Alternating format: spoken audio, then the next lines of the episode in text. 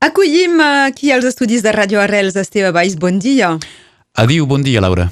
Volem parlar d'un un recull um, sonor, un arxiu sonor, uh, fins i tot es podria dir, Sí. uh, que estàs uh, posant en plaça a Cinglantana Sound. Sí, Des de, de, des de quan sabem que treballes eh, des de fa molt de temps sobre la recuperació de la memòria de les ràdios, per exemple, mm -hmm. dels anys 80, eh, és, és una continuïtat, podríem dir, d'ampliar el ventall? Oh, és paral·lel, diria jo, és paral·lel. Això va començar l'any 2015, mm, que un col·lega de France 3, en aquell temps, que es diu Marc Tamon, que és periodista de, de rugby i més coses, em diu sí, va haver un himne, un himne de l'USAP que es va enregistrar fa molts anys amb 45 revolucions, amb aquests discos petits i vells, i en, en el seu temps se'n va parlar molt i tal. I va dir, "Op, mira, aquest disc el tinc, resulta que el va enregistrar i cantar un parent meu per aliança de, de Sureda, en George Oliveres,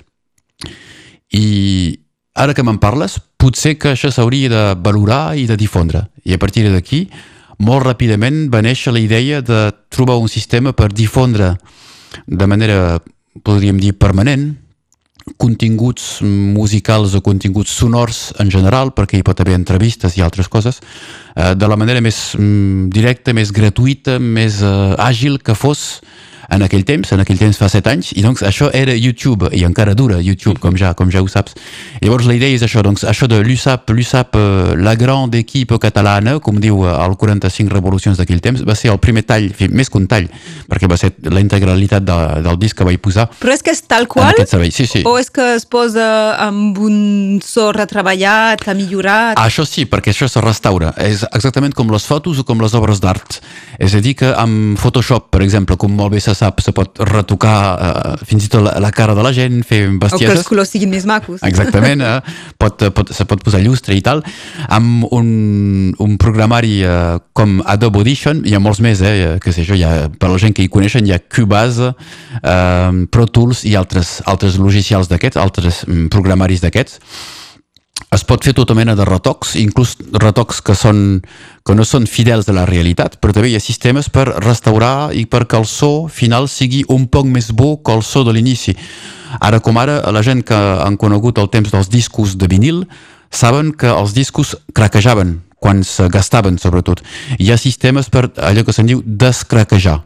O llavors també quan tens un tall de veu, una entrevista on hi ha allò que se'n diu en, en francès du souffle, que és allò que hi ha un, una espècie de paràsit permanent, eh, hi ha un verb que és, que és estrany que es diu dessouffler, eh, que, és de, que és treure aquest so, i això també és possible no de manera automàtica, sinó de manera, diria, un poc afinada i pacient, com quan restaures un, una obra d'art, que quan te la confien, ho suposi jo, eh, ara no ho fet mai, evidentment, però quan te la confien no hi ha cap mètode eh, estàndard, eh? cada, cada quadre, cada obra requereix la, el, seu, el seu mètode. I fa, fa pocs dies, eh, entre altres, es van posar tres fragments de, de Josep Sebastià Pons, que són documents eh, excepcionals, es pot dir, perquè ben bé parlem de, de, de, de la història de, de Catalunya Nord, de fa molt de temps, molts anys. Sí, perquè això no s'havia sentit mai, i són tres talls de... Que és l'excusa per la qual hem, Sí, fem aquesta entrevista, de sí. fet. Són tres talls que va enregistrar en Josep Sebastià Pons, de fet és sa germana que era poet, poeta o poetessa també, que es deia Simona Gai i que li prestava un poc d'ajuda de quan en quan, ara com ara per enregistrar aquests tres talls, tres poemes eh, extrets de tres... Mm, eh, Poemaris? eh, poemaris, això reculls com el Roses, Roses i Xiprers i, i obres d'aquesta d'aquesta vena, d'aquest nivell del, del Josep Sebastià Pons i això és una cinta que em va donar, una cinta cinta, dins el sentit cinta magnètica d'aquestes grosses, no, no era ni un casset, era molt més grossa, que em va donar un col·leccionador que se'n deia Robert Azaí, que ara ens ha deixat, que era de, de pares tortes, i que de quan en quan em venia a trobar, fa, fa uns anys, ja potser en fa 20, i em deixava, deixava cintes. I aquesta cinta jo mateix l'havia deixada en un racó. És a dir, que no l'havia copiat mai, perquè mira, posava j.s.pons, i com que això era entremig de bandes sonores de pel·lícules i coses que no tenien res a veure, vaig pensar, mira, algun dia tu miraràs, i aquell dia va ser fa un any, de fet, més o menys, i entre que me fessin la còpia en digital és llarg, eh, tot això, el que expliqui. Entre sí. que em fessin la còpia en digital i que jo me dediqués a trobar el temps per fer-ne bé, per, per escoltar-la i per fer talls i per fer-ho identificar per ma mare, eh, perquè ma mare, com ja, sa, ja se pot saber, això ma mare s'ocupa molt de la figura de, de Josep Sebastià Pons, que jo en sé ben poca cosa. Doncs bé, és per això que de, de l'inici fins, a, de l'inici fins avui han passat 20 anys i ja en passaran més coses, eh, passaran més coses. Però ara per ara, per la gent que ho volen trobar, Però en tot cas, la- l'assessorament Sí. de, de la Miquela t'ha permès de- de- d'identificar, de, de saber Sí. seguríssimament que és ell i Sí. de saber que alguna veu que se sent de fons no és la Simona. Exactament, exactament, i que eh, tal poema és de tal poemari, que manca una estrofa a tal poema, etc. perquè, bé, quan no coneixes massa o prou l'obra d'una persona, doncs bé que t'has de referir a la gent que en saben, això és normal, no? Però lo de la veu sí que la coneixia, per això, de la veu del Josep Sebastià Pons, perquè vaig posar ja en línia fa ben bé 4 o 5 anys una, un 33, que se'n diu, 33 revolucions, que es deia Misteri de Sant Pere Orseol, que va, va gravar ell el mateix any 1961, mesos abans de morir, eh, de fet. Mm, Ell mm, mor al gener del, 8, del 62. Doncs per dir que això són coses, a més a més, ben bé de, del final de la seva vida. Doncs aquest disc va ser a Barcelona, amb 33 i tot, i és doncs, un text del Pons que ell mateix diu amb el seu estil un poc, uh, un, un estil declamatiu un poc uh, d'època, d'època, és molt marcat pel temps. I aquests tres talls que he ficat a, doncs, a YouTube també són marcats pel temps. Potser això fa l'interès de la cosa també, crec jo que fa, fa el seu interès. A més, es pot eh, també escoltar Joan Pau Giné, aquesta cançó de l'USAP, Sí. el Serge Lladó... Hi ha la gent que hi vagi, Singlantant Sound, posant-ho Sí. als motors de recerca, i ho, ho trobarà. Diferents eh, extractes eh, així amb, amb també una, un, un historial darrere. I la gent que té curiositat i que té estimació per, pel Joan Pau Giné, ara que en parles, ha una cosa interessant, me sembla, és sentir el Joan Pau Giné en concert. Deu haver cinc o sis concerts diferents. Fins i tot n'hi ha un que vaig posar fa 3 o 4 mesos, que és un concert a Alanyà. Això fa que són dos de un del 82 i un del 83. I és molt curiós sentir el Joan Pau Giné presentant les seues cançons, perquè ha, ja sé que és un altre tema, però hi ha moments que notes que no, ni hi creu. Eh, eh, és un, un artista que ja, ja no creu a, a lo que està cantant. És, un, és una dimensió que no se, no se percep en els discos. Eh, sí, perquè els discos són successions de, Clar. de cançons, no hi ha les presentacions entre, entre cançó i cançó.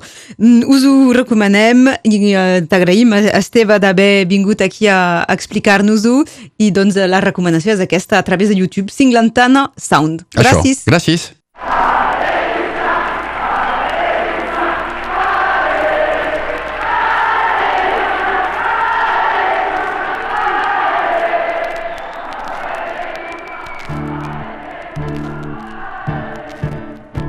Joan del Riu n'és arribat, ben de veure, ben de veure. Joan del Riu n'és arribat, de veure jugar l'USAP. N'ha tornat estomacat, dels a veure, dels a veure. N'ha tornat estomacat, talament han ben jugat. L'USAP, l'USAP, l'USAP. La grande équipe catalane. L'USAP, l'USAP, l'USAP et les couleurs de tramontane. L'USAP, l'USAP, l'USAP. Un bel exemple de vaillance, une des meilleures équipes de France. Cela toujours l'USAP, vive l'USAP. Son cycle est et précis et percutant comme une balle dans le royaume d'Ovalie. On dit qu'elle sait manier la balle. Son renom et son grand passé et le sueur de blé de bosse font qu'elle n'a rien à envier. Elle est connue jusqu'en Écosse.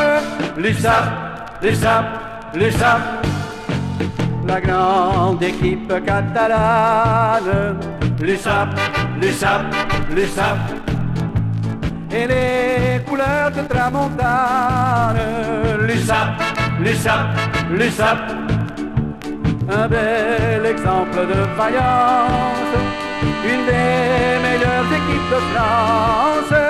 Cela toujours l'USAP, vive l'USAP. Les titres les plus élogieux qu'elle remporta au cours des âges et les talents prestigieux qu'elle forma sont son image de la Rochelle à Chambéry et la glanée tant de victoires gageons que ce n'est pas fini. Elle a toujours aussi faim de gloire. l'USAP, l'USAP, l'USAP la grande équipe catalane. l'USAP, l'USAP, l'USAP et les couleurs de Tramontane l'USAP, l'USAP, l'USAP. Un bel exemple de faïence. Une des meilleures équipes de France. Sera toujours l'USAP i l'USAP. Es pot escoltar també a través de Cinglantana Sound George Oliveres amb eh, l'himne de l'USAP, aquest Allez, l'USAP.